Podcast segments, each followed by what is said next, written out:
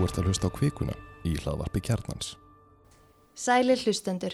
Þetta er hlaðástátturinn Kvikan, unnina reitstjórn kjarnans. Ég heiti Birna Stefansdóttir og mun stýra þættunum í dag. Margt hefur gerst í leiðinni viku. Fjölda uppsagnir átt sér staði bankakerfinu, aðalmeðferð í máli Allarab Sigurðarssonar, leikara, gegn Kristínu Eistensdóttur borgarleikustjóra og leikfélagi Reykjavíkur fór fram. Skrifaðurandi samkomla af einhverja umfangsmæstu samgönguframkvæmdir Íslandsögunar og kjarnin greindi frá því hvernig kostnæra vegna eksturs þingmanna hefur dreyist umtalsvert saman á liðinu ári. Með mér að venju eru Þórðursnar Júliusson, reittstjóri kjarnans og Bárahöld Beck, blagamæður. Við skulum byrja því að hlusta ljóðbrott. Búið að vera mjög erfiðu dagur hérna hjá okkur. Við erum að kvæðja margt gott starfsfólk og hefur auðvitað reynd bara á alla hjá okkur. Var bankin svona illa reygin? Nei, bankin var ekki illa reygin en það má auðvitað alltaf reyka fyrirtæki betur og það má líka segja að bankin er að starfa í mjög uh, krefjandi umhverfi. Það eru háver skattar og álögur á bankanum og samkjömsumhverfið harnar og við því erum við að bregðast með þessum aðgerðum. Þarna heyrði við í Benedikt Gíslasinni, bankastjóra Arjónbanka, ræða tilkomu þeirra skiplagsbreytinga sem bankin hefur ráðist í að undaförnu í kvöldfrættum rúf. En í síðustu viku var starfsfólki Arjónbanka fækkað um 12% eða máls 100 manns. Þóri Snær, getur þú sagt okkur eins frá því ákvaða vegferð Arjónbanki er? Uh, ja, Arjónbanki er bara á þeirri vegferð sem hann bóðaði fyrir einu og hálfu árið cirka síðan. Uh, það er þannig að uh, ég aðan að þess að Arjónbanki var skráður á markað í fyrra þá var gefið út svona í kynningagögnum fyrir þá skráningu að markmið bankans væri það að vera með arðsemi eigin fjár uh, yfir 10% þess að útskýra það hugtak á mannamáli þá eru bankar tróðfullir af penningum uh, og árangur banka er meðal annars mældur á því hversu vel þeim teksta á, ávaksta eigi fyrir sitt það er að segja það sem þær eignir sér eiga umfram skuldir. Og Uh, og hversu vel það gengur hlutfastlega Arsemi Arjónbóka hefur verið mjög slög á þessu EIF verið bara 2-3-4% svona jafnaði núna. Og, hérna, og það eru nokkra leiði sem hættir að fara til þess að, að auka þessa Arsemi sem snýstu þetta fyrst og síðast um það að, að græða fyrir hlutafana sína það er raunverulega intakið í þessu þessari stefnu. Það það að, að, að megin markmið og aðalatriði í starfseminni sé að búa til arð fyrir hlutafa uh, og það er þetta að gera það með að breyta eigin fjár, uh, fjármögnunni uh, meðal annars með því að vera með hana hlut til skuldsetta. Það hefur hafaði gert og verið mjög duglegir við að gera á undanfötum missurum það er hægt að selja aðrar egnir og þannig minka samstæðuna og það eru þeir að reyna að gera til dæmis með valitor og þetta svona skrítnar egnir segja sitt uppi með eins og hérna uh, hálfónita kísilmálmverksmiði í, í, í rétt fyrir utan Keflavík og svo leis og svo er auðvitað hægt bara einfallega að fara í hægræðingu og, og í bankakerfinu er hægræðing fyrst og síðast það að fækka starfsfólki. Það er það sem þeir eru að gera núna er að segja upp gríðalögu magni af fólki sem á að skila bættri afkomu upp á hvað 1,4 miljardar á skrundvöldi uh, og það er líka aðtilsvægt að sjá svona hvernig hvað breytingar verða innan bankans fyrir viki, það verist verið eins og Arjón banki sér bara að, að gefa upp á bátinn hlutverk sitt sem lánveitandi. Uh, heyri það mikið í Uh, mikið viðtölum við forsvarsmenn Arjón banka og það er ekki einvörnungu bundið við Benedikt sem tók við sem bankastjóri í sumar heldur líka forverðans í starfi Höskulta og Ólason að þeir tala um að svona ímsar ytri aðstæður gerir það verkum að þeir geta ekkit keft að þeir eru erfileikum að vera samkynnshæfir um til dæmis útlán til fyrirtækja og ekki síðu til einstaklinga. Byrjum á einstaklingunum, þar eru þetta lífyrir sjóðunir sem borga ekki bankaskatt og þurfu ekki að vera með mikið eigi fjö eða skila arsema á það, geta bóðið mun betri kjör á húsnæðislánum til þeirra sem uppfylla skilir lífyrirsjóðunum að taka slikið þeim en bankandi getur gert. Og lífyrirsjóðunir hafa verið að taka til sín miklu miklu stærri sneið af þeim markaði á undarfötum árum. Eða frá 2015 þegar þeir koma fullu inn á þann markað aftur. Uh, á fyrirtækjamarkaði þá eru svona stærstu bitanir þeir sem eru sérstaklega fyrirtæki sem eru með tekjur í öðru myndum en, en íslensku krónunni Eh, þeir geta einfallega fengið fjármögnun hjá erlendum böngum sem koma bara á Nordica og hitta þá í hátegismat og Shanghai þá í viðskipti til Norex uh, og bjóða það miklu miklu betri kjör. uh, og þetta eru sjáuröldsfyrirtækin og þetta eru bara þessi stærstu fyrirtæki sem eru stærstu útflutningsfyrirtæki landsins. Uh, Íslensku bankarnir eru ekki samkennshæfur um viðskipti þessara fyrirtæki og það virðist vera eins og þessi að færa sér miklu meira þá bara í það að að vera svona taka þóknanir fyrir útgáfu skuldabrjóða Uh, og fjár, fjármögnun á hérna innanlandsverði daldi meira þannig sko að verið gefnur út skuldabriðaflokkar eins og var hérna var tíska fyrir hrun en hefur hérna, verið farið varfarið í alla tíð síðan. Uh, og að já, Arjónbóki ætli sér einhvern veginn svona að marka stöð þar og vera svona meira ef maður lefur sér sletta lín mín banki. Uh, en hérna svona kannski þetta stærra dúol gímald sem íslensku bókarnir hafa tilneingu til að vera. Uh, og þetta er svo sem bara aftur eitthvað sem ætti ekki að koma neinum óvart sem hefur fylgst með því sem er að gerast þannig. Bæðið er að þannig að fjármála þjónusta er að breyta svo gríðarlega mikið í heild bara vegna þess að hún er að vera stafrætni fleiri er að gera þetta bara að sinna sínu daglu banka þörfum í gegnum upp eða, eða tölfur uh, þart ekki jafn mikið að fólki til þess að sinna þessari þjónustu. Það eru koma í nýjir samkjömsæðilar uh, teknifyrirtækin eru flest að þróa einhvers konar fjármála afurðir uh, jafnvel að vinna við að þróa sinni eigi myndir eins og Facebook með Libra. Uh, og þannig að við munum sjá enn meiri breytingu í nánustu framtíð með þessari svona fintech væðingu sem er eiga sér stað þar sem verður þörf á færra fólki til þess að sinna þessum störfum. Þannig að hérna Já, nú er Íslandsbanki líka að segja upp 20 manns í síðustu viku.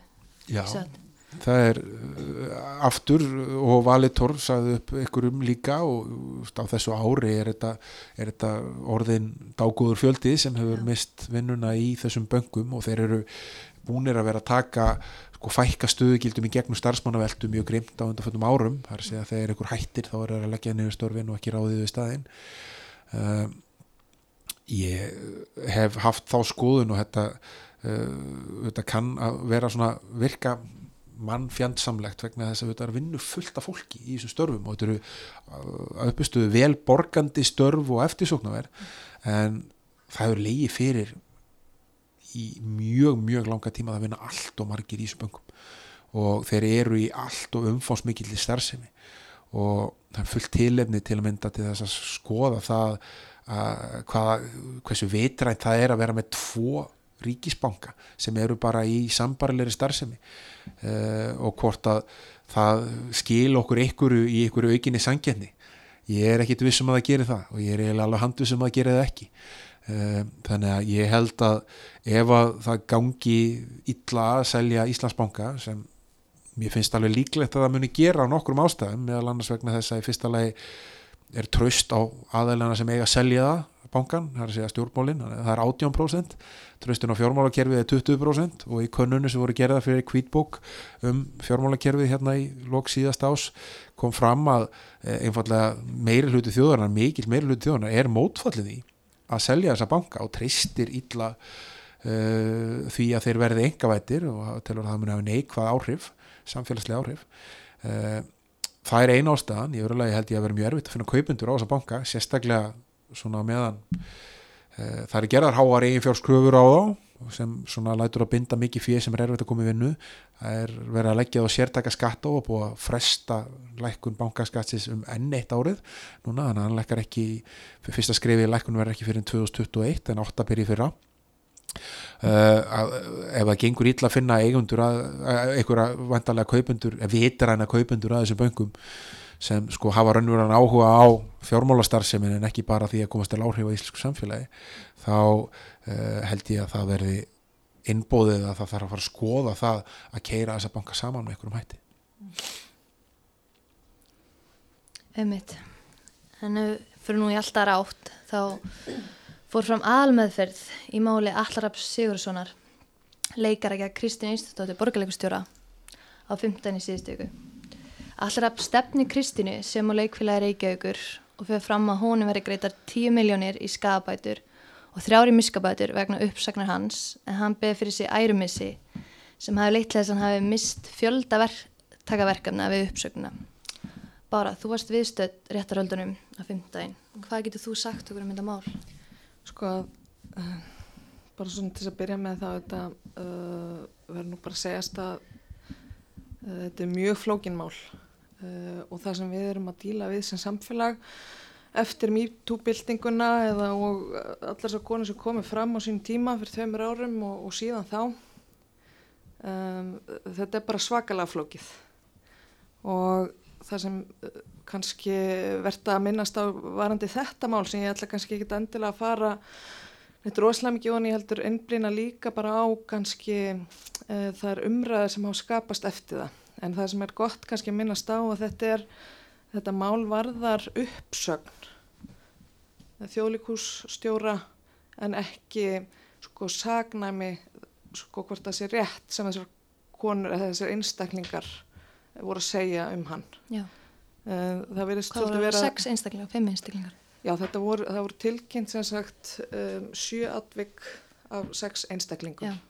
og í rauninni vitum við ekkit meira um þessa einstaklinga eða hvers eðlis ásakanænar voru. Þannig að það er svakalega erfitt að taka afstöðu til þess. Um, það hefur borið á sko mikilli samfélagsmiðla öldu og umræðu á samfélagsmiðlum eftir þetta mál. Fólk verðist skiptast í hópa um, sem að gerist svo sem oft uh, í svona málum, halda með, með á móti. Um, það sem mér finnst mjög mikilvægt núna að við gerum er að taka umræðana svolítið vitrænt líka að um, sjá hvort að við getum breytt regluverki um, með þessum samfélagsbreytingum sem hafa orðið. Það virðist, það er, sérst, það virðist ekki hafa gerst alveg í kjölfarið. Sérst, regluverkið hefur ekki breyst í kjölfarið með samfélagsbreytingunum. Um, núna er spurningin sko er, er eðlilegt að þólendur uh, myndir þólendur stýji fram eða ekki? Uh, þarna skiptist fólk algjörlega í hópa. Steinun Ólína uh, leikari hún kom með algjör á bombun í umræðina það sem henni fannst sem sagt að uh, þær þyrta stýja fram þessar, þessi einstaklingar um, og hún sem sagt orðaða þannig að uh, ef þetta mál sagt, ef, það, ef það gerað ekki þá verður þetta mál aldrei leist og sem sé ólíðandi og svo kallari mítúbildingu til háðungar. Margir hafa mótmælt þessum orðum og sagt að það sé ekki að setja þessa kröfu á þólendur að koma fram. Uh, ég er að vissuleiti sammála því. Það er mikið álag og mjög erfitt að koma fram í svona málum og það er meirin að segja það og það vita allir sem hafa annarkvæmt gert það eða þekkt eitthvað sem hefur gert það og, uh, og svona sem áhugaverð hérna, tilkynning sem kom um, frá tæbla 30 konum, kalluðu þessi MeToo konur kom sem sagt á mánudag þar sem það er svona ymbra á því að uh, í skjóli fjöldans eigi konur að geta komið með sagt, frásagnir sínar án þess að vera um, sko dæmdar fyrir það Já. og það eru þetta sko bara svona ákveði vingil sem er líka verðt að velta fyrir sér það sem ég finnst líka mikilvægt í þessu er að um, við fjölmjöla fólk aðtögum að þess okkar gang hvernig við fjöllum um svona viðkvæm mál eins og til dæmis þessi mál í síðustu viku og almennt. Því að þetta snertir marga einstaklinga fólkið, fjölskyldur, vini, samstarfsfélaga þannig að uh, það er alveg skilarbóð sem ég veist verðt að koma þann út líka að það er svakalega mikil og ábyrð, ábyrðið mikil. Ég held að sé líka bara í lagi að við kenna vannmátt sem gegvart í að viti ekki alveg hvernig eigi að takast á við þessi mál. Mm. það er að segja uh, vitundavatningin sjálf er stórmerkilegt fyrirbæri. Að, að hér stíga fram konur úr öllum mögulegum geirum og svæðum þjóðfélagsins og gera grein fyrir því að það er uh, hafi orðið fyrir áreitni og alls konar hegðun sem hafi valdið þeim vanlíðan og fylltar öryggisleysi og ég tala nú ekki um það sem hafi orðið fyrir beinlýnis ofbeldsbrótum og vitund og vakningin einu sér er, er ótrúlegt framdag og bara ótrúlega þart uh, fyrirbriði uh, og hefur bara fært okkur fram um mörg skref bara sem mannlegt samfélag. Hvernig við ætlum að takast á við margar afleggingar þessara vitundavakningar mm. það er eitthvað sem við erum ekkit með svör við á reyðum höndum ég held að það sé bara einfallega þannig það er mjög erfitt að ætla að vera með uh, eitthvað svona fyrirfram uh, ákveðin farveg um það hvernig ég að takast á við þessi mál vegna þess að þau eru mörg hver sko þótt þessu kannski með svipað áferð eðlis ólík mm. og uh, það er til, til að mynda bara stór spurning eins og var að koma fram í þessum, þessari yfirlýsingu frá MeToo konum mm. uh, hvar á að til að draga fjöldamörk? Hvað er nægjalur fjöldi af konum eða einstaklingum sem leggur fram eh, eitthvað gegvart öðrum einstaklingi til þess að það að fara í einhvern ákveðin farveg? Ég, ég veit það ekki. Ég mhm. bara, það er mitt heiðarlega svarfið, ég hef ekki hugmynduða um ég veit bara og ég á veist, eftir hverjar samræðan og frætur annar þá tóist ég sikkur áttina sko. mm -hmm. þú veist hversu hvernig það ætti að vera, er mögulegt að setja slík mörg skilur eh, og ætti slík mörg að gilda gagvart öllum málum? Ég bara já, ég viðkynni það bara hérna, maður er með svona einhvern veginn mikinn vannmátt gagvart við uh, hver úrlaust margra þessara mála eigi að vera. Uh, ég vona við finnum einhvern farveg sem er funksjónal og getur ríkt einhvers konar samfélagslega sáttum vegna þess að það er ólíðandi að e, það verði svona vitundavakning og það komi svona mikið af upplýsingum sem eru óhugnarlegar upp á borðið og það er bara að hafa engar afleggingar ja. það er ekki hægt og það er ekki bóðlegt e, en hvernig þá að gera og það verður einhvern veginn e, Já, við verðum að finna einhverja leiðir en ég, ég sé ekki að það er leiðir séu komna fram, þess að þú bendir hérna á áðan, þá eru þetta mál sem var hérna fyrir dómstólum það er eh, ekki veist, það er vinnumál það er atvinnumál, mm. það snýst um það hvort að það mátt segja upp einstaklingi vegna mm. þess að hann var talin að hafa skapað ákveðna aðstæður á vinnustaf mm. og þar að leiðandi kannski ekki besta prófmálið -hmm. fyrir þessa svona me too afleiðingar þannig að ég, hérna, ég heldur við höfum ansi langt í land með það að finna hvernig við ætlum að takast á þetta. En Já. það er svo kannski alltaf fyrsta skrifið að sé verið að ræða óbeskátt og kannski að takast á um það uh, málefnulega þannig að við veist margir verið að, að reyna að takast á um þetta málefnulega þótt að þetta sé mikil harka í mörgum líka uh, og svona einstrengingsháttur um það og sem maður skilur þetta að mörguleiti sérstaklega fyrir fólk sem hefur orðið fyrir ykkur mm. og bara hefur mjög sterkar skoðanir og, og réttlætiskend gegn því að það veri tekið á okkurum hætti á okkurum málum mm. uh, en ég held að hérna, þetta verði síðan bara að fá að þróast og vonandi byrja okkur gæfa til þess að enda með þetta á okkurum góðsta Já, mér finnst rosalega mikilvægt nákvæmlega þetta að við höldum áfram samræðinni, höldum áfram að uh, reyna að finna út úr svo einhvern veginn saman uh, og þá finnum við einhverja svona syndesum milli uh, svona ákveðna aðila upp á uh, hvernig við viljum hafa samfélag okkar. En við erum, við hljótum að vera á réttri leið eftir þessa mítúbildingu og þráttur að komi kannski bakslag og tökum tvö skref áfram eitt tilbaka, eitt tilbaka þá held ég að við sjöum á réttri leið.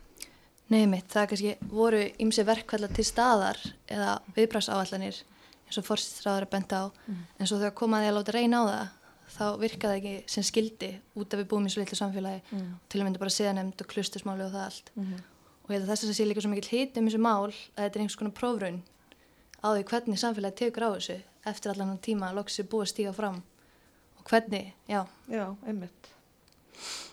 Einmitt, en að næsta máli Þá undirritu fulltrúar stjórnvalda og sex sveitafélag á höfubarkasvæðinu 120 meilera samkómulag um uppbyggingu samgöngu innviða og almenningssamganga næstu 15 árin. Við skulum hlusta hljóðbrot. Það er verið að fara að blanda það leið og það má alveg gaggrina það að það sé verið að gera ómikið fyrir engabílinn. Ég sé líka að það er aðri sem að segja að það sé verið að gera ómikið í almenningssangungum og verið að gaggrina borgarlínu. Þannig að mér finnst stjórnvöld verið að reyna að ná ákveðinu samkómuli sem er tímamóta samkómula við, við svæðið allt saman, höfuborgarsvæðið, stór hafnafjörðarsvæði sem ég kýr kannski fyrir að kalla. Mm. Um, það sem er hins vegar gaggrinu verðt verulega, það er einmitt gjaldtakon, hvernig fyrirkomulagið er, er áallar. Ég óttast að þetta verður um tvískottunaræða, það verður auka álagning einmitt á, á, á fólk hér á höfuborgarsvæðinu. Það er mm. allt mjög óljóst um það að þetta er það sama fyrirkomulagi að gilda um allt land. Það er allt mjög óljóst hvað það var þar. Uh, ég hefði viljað sjá meiri djörfung í því einmitt að bara fara í það að breyta gjaldtökukerfunu, breyta skattkerfunu, hækka kólupnisgjöldin til þess að fara alveg í, í, í lofslags uh, hlínuna farið það sem að, allavega við í viðrist telum að, að þurfa að taka mjög strax á og verulega á og fara í einmitt kílometragjöld eins og, og logið sig. Þetta var Þorgeri Katrín Gunnarsdóttir, formaði viðristnar að tala um fyrirhug veðgjöld stjórnvalda í Silfurinu á sunnudagin. Ljóst er að skipta skoðanir er um hvernig fjármagna er hluta framkvæmdara. Bára, erst þú búin að mynda skoðan á þessu? Um, ef ég á að vera alveg henskilinn það hef ég ekki gert það, ég sveplast svolítið til og frá. Mm. uh, ég er að reyna að afla mér upplýsinga og þetta gera það sem bæðið sem blaðmaður og líka bara sem einstaklingur í þessu samfélagi. En uh, þetta kannski vantar það upp á það. Upplýsingaflæði, hvað finnst þér þú veist? Mér, í fyrsta lagi, kannski við horfum á umfong þessar aðgera, þá eru þær bráðu nöðsönlegar það er um, að gera pakki sem á að kosta 120 miljardar á 15 ára tímabili og þar inni er ekki möguleg enga framkvæmt á lagningu sundabrautar sem á að geta bætt einhverjum 60-80 miljardum við þennan kostnað. Eh, það verður ekki tort fram hjá því að, að samgöngu framkvæmdir á Suðvestur hóttunum það sem þorri íbúa landsins búa hafa setið á hakanum í ansi langan tíma. Það er segja það því fér sem hefur verið varið í samgöngu framkvæmdir hef, hefur ekki, ekki ratað hingað inn meðal annars vegna þess að hér var gert samkónlag um það að setja auki fjö í almenni samgöngur fyrir hérna árunni 2012 uh, gegn því að, að svona frekari samgöngu úrbótum er í slegi á frest. Og það, ekki, það fjö hefur ekki skilað því að notkuna almenni samgöngu fyrir aukist að einu svona stórkostlu marki. Uh, en uh, það er algjörlega nöðsynlegt að fara að takast á við þetta út frá mörgum mismunandi ástæðum. Í fyrsta lagi þetta vegna þess að flæðið í, á höfuborgsfæðinu er ekki nægilega gott. Það er að fólk á í ofmiklum erfileikum að komast á milli þeirra staða sem það er að komast. Hvort sem það er í enga bíl eða í gegnum almenningssangungur. Rótinni því liggur í því að við erum hönnuð þessu bandarsk bílaborg hérna á allskipulögum uh, áratugana hérna, sem leittu upp að, að 9. og 10. áratöndum og uh, allt of lítil borg til þess að einhvern veginn að vera hönnu þannig og þar sem bílinn hafði fullkominn forgang og hér er allt of stort landsvæði sett undir Malbygg uh, það er erfitt að einhvern veginn að snúa við síðan uh, af þeirri þróun en það er nöðsynlegt að við þurfum að gera vegna þess að til þess að létta á umfraflæðinu á gödunum bílunum þá þurfum við að auka hlut annara farkosta. Við þurfum að gera fólki auðveldara með það að ferast á hjólum og lappa og allt þetta og við þurfum að auka hlut almenni samganga gríðarlega. Þaðan kemur borgarlínan inn uh, og þarna er verið að tryggja fjármagn í borgarlínuna. Uh, það eru stórir uh, ángar af henni sem verða til þarna bara á fyrstu árum þessara framkvæmdar. Uh, uh, úr hérna úr Árbænum og nýr á Hlem og svo hérna úr, úr Hamraborginni í Kópói og nýr á Hlem tveir reysastóri ásar sem getur flutt feikilega mikið af fólki uh, inn í svona miðborg Reykjavíkur uh, og svo frammeðis og svo setja miklu brönd í stokk og, hérna, og það er margt þarna sem veist, mun hjálpa til með það að auka flæðið. Hitt aðriði sem er reysastórt er auðvitað það að við þurfum að auka loftgæði lífsgæði og taka til þetta til umhverfis áhrifa og ekki síður þeirra skuldbyttinga sem við höfum undirgengist til þess að draga úr uh, okkar losun uh, í barartunni gegn loftlasáhrifum og þetta skrefið þá átt líka verðan sem við erum að fara að gangin í gegnum hröð orkurskipti við erum að fara að uh, rafvæða bílaflótan okkar ansið hratt. Erum í öðru sæti heiminum eins og er. Um, þau þjóðfélög sem er að gera það hraðast og uh, það mun gerast mjög hratt á næstu árum. Ég held að ég fari rétt með að, að stjórnvöld hafi séu með, séu með það sem markmið að 2030 eigi ekki lengur að, uh, vera hægt að selja nýja dísel og, og, og, og bensínbíla á Íslandi. Og það þýðir þá að við ætlum að vera komin ansi langt í þessum orkuskiptum. Uh, og þá kannski komum við að þessum deilum um þessi veggjöld sem eru uh, það hefur verið svona klefadaldi á því að, að hérna að þarna sé verið að koma með nýja leiðir til þess að, að, að ná peningum inn í kassan til þess að standa undir uh, rekstri samgöngumannverkja en mér finnst kannski stjórnmálmennir hafa ekki verið nægilega skýrir með hvað er hann undir. Mm. í dag er, uh, eru samgöngumannverkin og nýfrankvandir uh, að stórleiti knúin áfram með göldu sem eru lögð á eldsneiti og þekki öll þessa umræð hvað ríki tekur til sín stóran hluta af uh, því sem við uh, dælum á bílan okkar og mengur síðan út í andurslóttið það eru hérna bæði gjöldin sem eru lögð á eldsleiti sjálft og svo ekki síður mengun og tótlandir sem hafi verið lagðir á undarföldnum árum. Uh, þegar við förum í gegnum orkurskipti þá verða þessir skattar ekki til staðar lengur uh, og þar að leiðandi þarf að fá nýja leiðir til þess að fjármagna samgöngu uh, mannvirkin. Uh, nema við ætlum einfallega bara að, að gefa þessa tekjustofna eftir og fara að taka peninga annar staða frá til þess að, að, að sinna þessum mikilvæga hlutverki. Og þar eru veikjöld, eru bara notendagjöld á samgöngumannirkin það er að segja uh, þeir sem notaðu mikið þeir borga mest og mörguleiti er það sangjart Eh, verðum líka að horfa á það að eh, stæsti nótendahópurinn á íslenskum vegum, samgöngumarkjum í dag eru líklega ferðamenn. Eh, við erum með hérna, vel, á, vel yfir 2 miljónir ferðamann á ári og uh, þeir munu auðvitað greiða stóran hluta af heildarpottinum sem þessi veikjöld myndu skila í sínu vafstri hérna út um all landi það er eina ástafanu fyrir því að veikjöldun verð ekki bara lögð hérna á höfbúksvæðinu þau verður lögð á víðar. Og uh, ég held að það sé mjög skynsalett fyrir okkur að sækja í þá potta, ég held að verður líka mjög skynsalett að, uh, að sækja í aðra stórnotendur á vegakerfinu sem eru landflutningar að láta greiða fyrir landflutningar sem slíta auðvitað vegakerfinu alveg feikilega mikið aðal leiðin okkar til þess að ferja vörur á milli landsluta er á stórum þungum vörubílum sem slíta miklu meira en, en litlu krútluðu bílarnir okkar. Og uh, mér finnst þessi svona mér finnst þessi mantra um það að þetta bytni mest á fátæku fólki mér finnst hún doldið ódýr vegna þess að það er eh, það eru svo margar aðra leiðir sem hægt er að koma til mótsu fólk sem er með lítið á milli handana en það leggja ekki á veggjöld mm. veggjöld er að vera að tala um hvað veist, að hæstu gjöldin fyrir þá sem nota bílin alltaf á hánatífum síðan ykkur nýjúðu skall á mánuði samkvæmt planu sem leggur fyrir núna og það er hægt, við erum með fullt af millifæslu kerfum sem geta fært fleiri krónur í veskið hjá þeim sem eru með minna á, milli handana en þetta, við getum gert það í gegnum barnabætur, við getum gert það í gegnum personáfslátt, við getum gert það í gegnum skattleysi eh, og svo framvegs þannig að mér finnst þetta svona mér finnst margir sem hafa verið að grípa til þessara þessara rauksendafæslu notana sem málsvörn eh, en undirleikjandi sé svona vörd fyrir sin eigin þægindarama sem þið vilja reyfa lítið við en þetta verður flókið útfæslu og þetta er uh, þetta er mál sem gæti orðið mjög populíst það er mjög auðvelt að búa til svona uh, setningar sem grýpa um það að sé að vera að vega að einhverjum í tengslum við þessa gjaldtöku.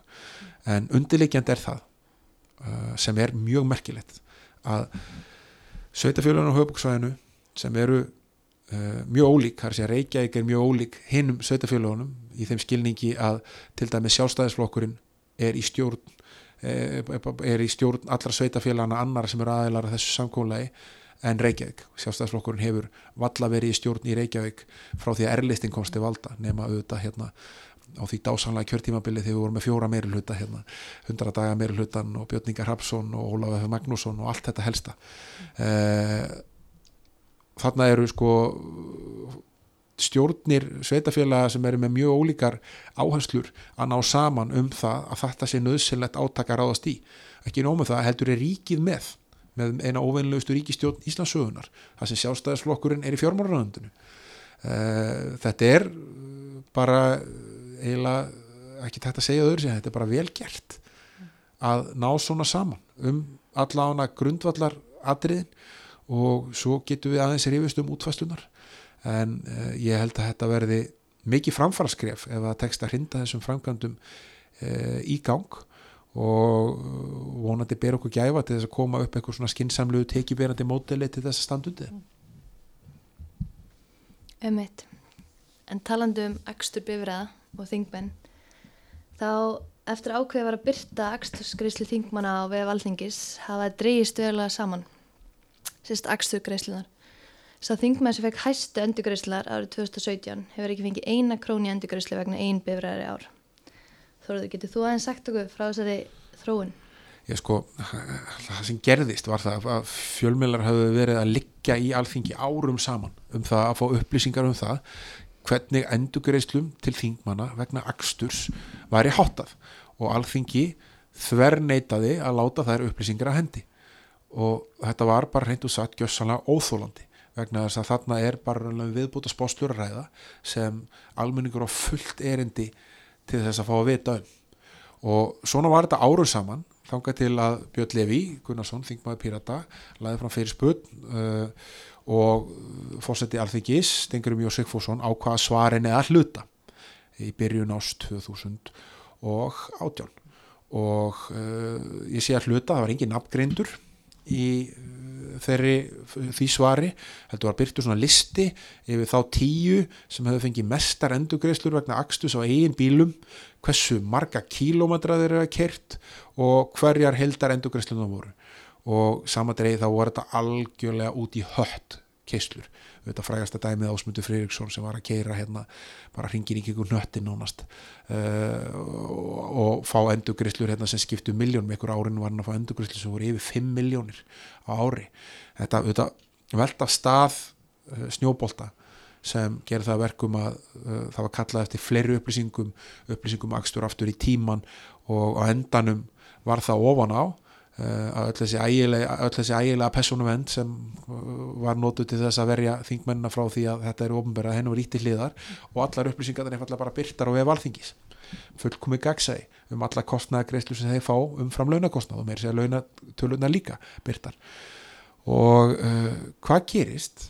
Jú, það gerist það að hérna uh, alþingi var búin að liggja í þingmönnum að segja ef þið kerið x mikið þá eigið þið helst að nota bílaugubíla vegna að það er hagkamara og þegar ég helst ekki vera að nota ykkar einn bíla uh, vegna þess að þetta er mjög ógegsagt kerfi og við getum ítla séð í hvað þeir að nota það og svo framvegis. Það er erfitt að gera greinamun ofta á hvað fælst í starfi þingmanns og hvað er bara hann að sinna einn erindagjörum til dæmis þá er sko endurgreislur í kringum kostningar og prófkjör miklu herri en uh, á árum sem slíkur ekki. Sem segir það að þingmenn er að krefast endurgreyslu á notkum bíla uh, í eigin pólitískum erindagjörum það er að segja þegar þeir eru að afla sér fylgis sem einstaklingar í prófkjörum eða þegar þeir eru að afla sér fylgis sem stjórnmálaflokkar í kostningum sem er ekkit í lægi það er bara viðbúta styrkur til þeirra sem eru kóna með fótinn inn á þing og mjög ósangjart gagga þeim sem eru utan þing sem eru kannski að koma nýjirinn mm.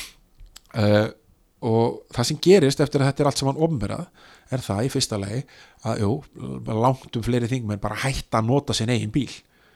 Loksins. Og í öru lagi hildar kostnæðurinn vakstur, hann bara hríðföllur. Og allt í einu það getur, maður getur alveg verið maður ætlar að vera í, með hausin í skíjónum og mikil póliana bara ætta það að hérna uh, að þeir séu bara, bara tilvílun og þeir séu bara farin að, farin að kera minna en raunveruleikin hlýtur að benda mann á það að einfallega hafi þarna verið einhver matarhóla sem menn voru að nýta sér. Að ná sér í endugreislur fyrir einhvern uh, kostnað sem var raunveruleg ekki hluti af starfinu þeirra. Uh, og uh, því bara fagna, ég held að þetta sé gríðarlega gott dæmum það hvað gegnsæi og svona gegnsætt eftirlit fjölmjöla og almennings með því hvernig farið með ofnbært fjö getur skilað feikilega miklu Já, ég get algjörlega tekið undir það að varandi gagsæði, þetta er, uh, þetta er svakalega gott dæmi um þær afleðingar sem geta hlotist af uh, bæði góður upplýsingargjöf og uh, auka gagsæði, þannig að þetta er hana, bara til góðs. Sammála því. Við komumst eins og er ekki lengra með kviku umræðinara sinni, en verður hér að vikuliðinni að skilja kjarnan frá hisminu. Verið sæl þáka til.